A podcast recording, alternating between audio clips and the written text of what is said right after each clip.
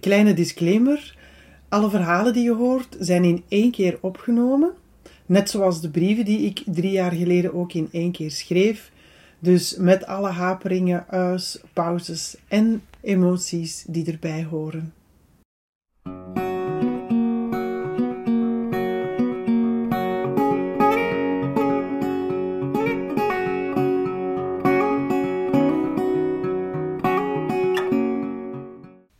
Dag mams. Vorige week had ik er even genoeg van. Ik was doodmoe. Ik had al een nacht of tien niet goed geslapen. Blijkbaar staat mijn neus scheef, waardoor bij het liggen mijn neus dicht gaat. Dus word ik tientallen keren wakker en sta ik elke morgen doodmoe op met keelpijn. Binnenkort wordt de neus rechtgezet. Ik ga ondertussen ook naar de voedingspsychologe en dat proces hakt er stevig in. Ontdekken waarom je eet en uitkomen op een aantal niet zo prettige oorzaken. Dat kan er ook nog wel bij, denk ik dan. Ik eet omdat ik moe ben, maar dat is maar voor 25% het probleem. Die andere 75%, dat is andere kak. Maar ik voel dat mijn mentale en emotionele rugzak al een beetje minder vol is. Ik voel lucht en luchtigheid, geruststelling ook. Afgelopen weekend was ik te gast in een mooie omgeving. De verscholen tuin in Deurne. Een heel weekend vol met systemische rituelen rond de voorouders. In gedachten zie ik je lachen en met je ogen draaien. En ik moet er zelf een beetje mee lachen terwijl ik hier in de zetel zit en dit neerschrijf. Maar voorouders en ik, het is een match made in heaven. Twee weken terug vroeg ik me af of het over was. Het trouwproces bedoel ik dan. Ik voelde niks meer. Dat dacht ik toch, tot ik bij de psychologe kwam. Daar ging ik. Ik voelde niks meer, omdat ik mezelf de hele week had verdoofd met eten. Veel eten. En liefst zo ongezond mogelijk. Daarom heb ik vorige week niks geschreven. Alles was gewoon te veel, zelfs ademen deed pijn. Ik noem dit de fase van intensiteit. Alles is fel en helder, alsof de zon altijd recht in mijn ogen schijnt en me verblindt voor de wereld om me heen. Eten was mijn zonnebril, mijn schaduw. Nu ik dat niet meer gebruik, als het me lukt, om mezelf te verdoven, sta ik te bakken in de zon. En daar word ik heel erg moe van. Los van dat proces gaat het heel erg goed. De Ritual Coach Academy is echt van start gegaan. En ik heb inschrijvingen voor de ontmoetingsdagen, voor de opleiding en voor de gratis driedaagse. Het mogen er altijd nog meer zijn, maar ik ben al super content. Ik vond een leerplatform online voor de lessen. Momenteel ben ik bezig met de opnames van podcasts en oefeningen. Ik amuseer me in mijn atelier. Ik creëer. Ik denk. Ik dans en lach. Ik ontmoet vrienden nog eens in het echt en niet online. En ik plan onze vakantie in augustus. Frankrijk, Pousseau, oude en vertrouwde plek. Ik werk en ik leef. Ik bewandel de wereld tussen de doden en levenden. Dat is mijn plek. Daar ben ik thuis, maar ik leef. En ik ben van plan om dat voluit te doen voor de volle honderd procent. Alleen jammer dat ik zo moe ben.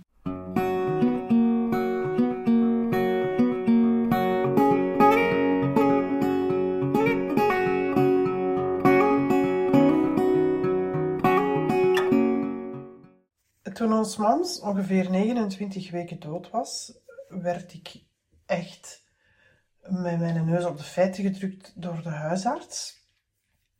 Dat de kilo's die ik was bijgekomen vanaf het moment dat zij ziek was, echt wel in een heel erg snel tempo naar boven gingen. En hij had mij doorverwezen naar een voedingspsychologe, omdat hij ervan overtuigd was dat ik een emo-eter was. En ik uh, geef grof toe, of grif toe liever, dat dat op dat moment zeker en vast ook wel een rol zal gespeeld hebben. Maar wat we op dat moment nog niet wisten en wat dus later wel aan het licht is gekomen, dat is dat het niet alleen het emo-eten was, maar dat er nog heel veel andere factoren waren die te maken hebben met de aangeboren immuniteitsstoornis die ik heb.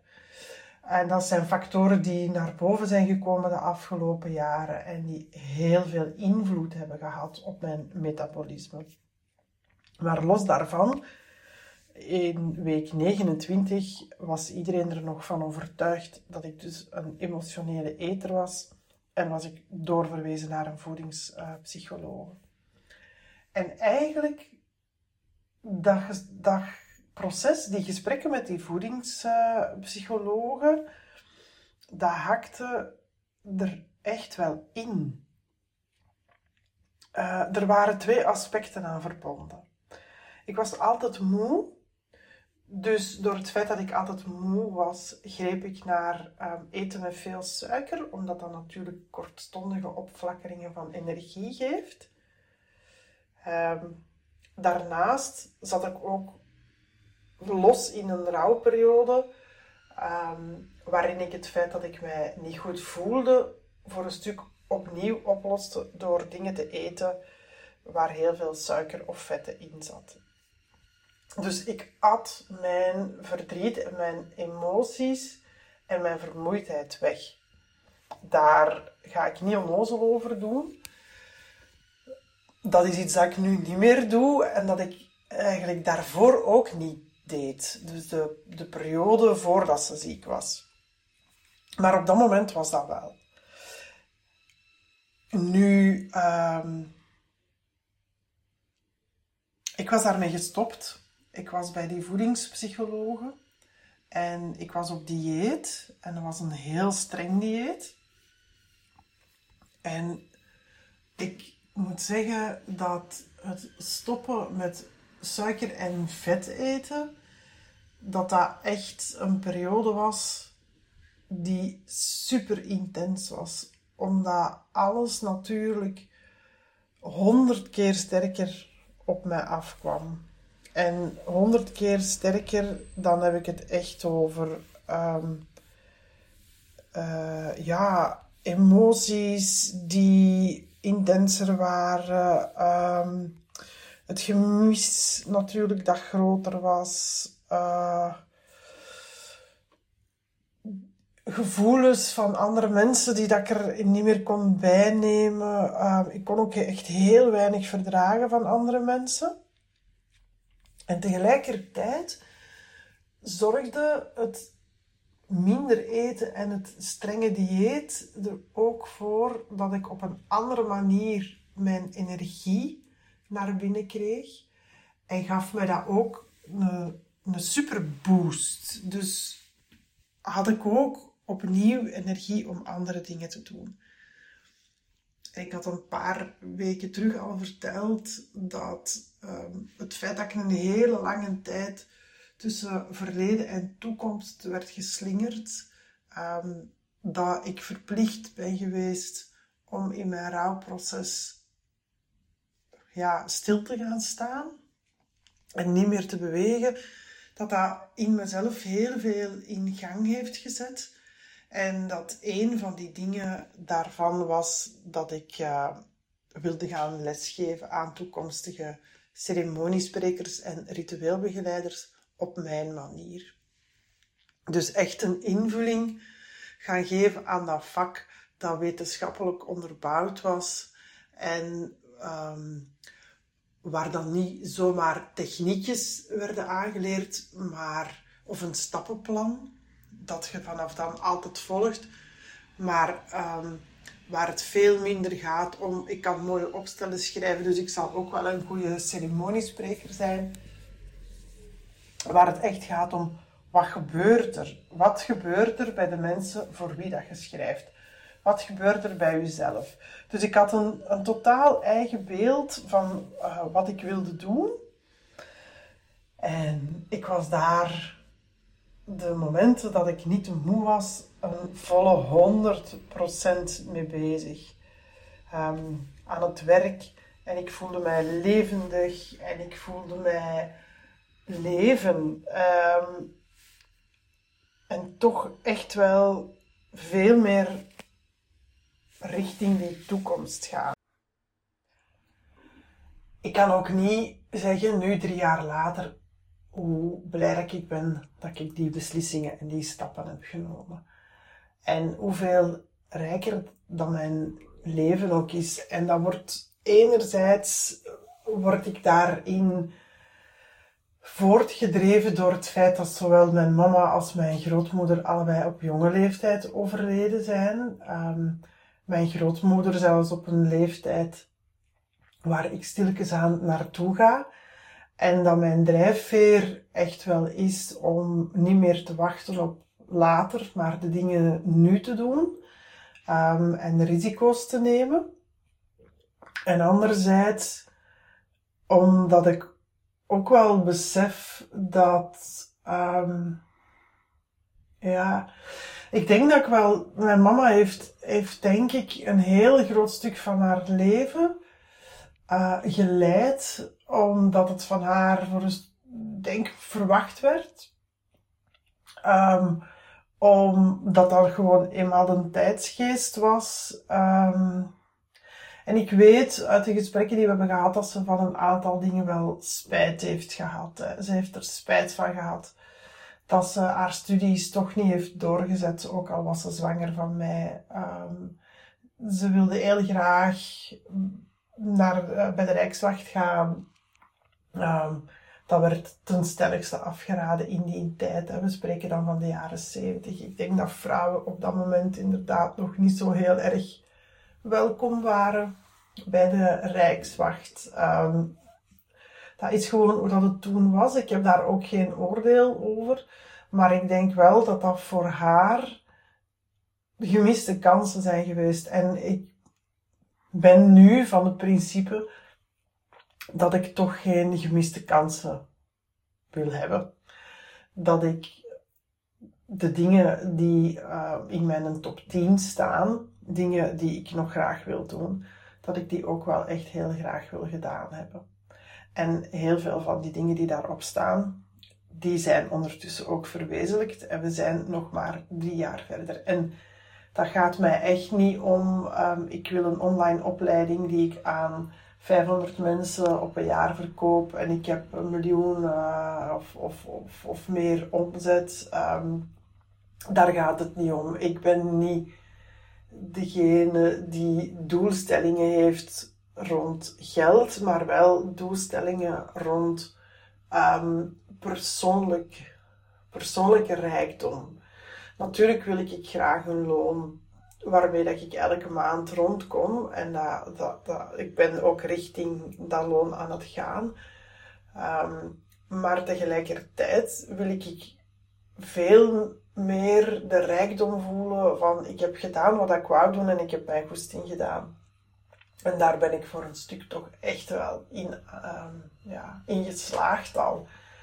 Uh, en dat voelt super aan en dat zijn dingen die ik um, ja, toch wel voor een groot stuk, net omwille van het feit dat ze overleden is, ook in de wereld heb gezet. Dus uh, ja, um, zo, dat, was echt een intense periode ook, dat heel bewust bezig zijn met eten en met voeding en uitproberen en uh, waar word ik meer moe van, waar word ik minder moe van. Ik heb toen ontdekt dat uh, dingen zoals sterven en rijst superveel um, vragen van mij, superveel energie om te verteren vragen, dus dat ik dat beter niet eet. Um, dat ik sowieso beter geen brood eet, maar um, S platte kaas met vers fruit, smiddags een slaatje of soep enzovoort. Ehm, ja. Uh, wat we op dat moment nog niet wisten, dat was dat dat dieet heel goed was voor een aantal aspecten, maar uh, dat het niet de oorzaak oploste van de reden waarom ik zoveel kilo's bijkwam. Maar dat is een totaal ander verhaal. Dat denk ik in deze podcast ook niet echt thuis hoort. Wat ik wel kan zeggen is dat ik um, dat het cliché voor een stuk wel klopt. Uh, tijd heelt niet alle wonden, maar jezelf tijd geven om te rouwen is wel helend. En um, niet direct terug gaan werken en de dingen zijn beloop laten, hebben voor mij wel echt gewerkt. Ik denk als ik direct terug 100% volle bak was gaan werken,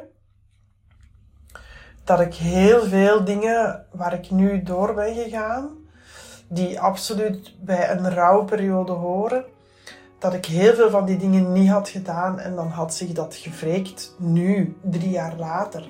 Terwijl ik nu, drie jaar later, 100% kan zeggen, het is nog altijd pijnlijk. Um, ik had nog altijd gewild dat ze niet was overleden. Maar ik heb mijn leven wel terug kunnen oppakken. En zelfs niet voor 100%, maar voor de volle 300%. En dat heb ik voor een stuk te danken aan het feit dat ik mezelf ook echt tijd heb gegeven om mezelf vorm te geven in, naar een leven zonder mijn mama. En dat was het voor deze week. Uh, brief 29 van Brieven aan mijn mama. Tot de volgende keer.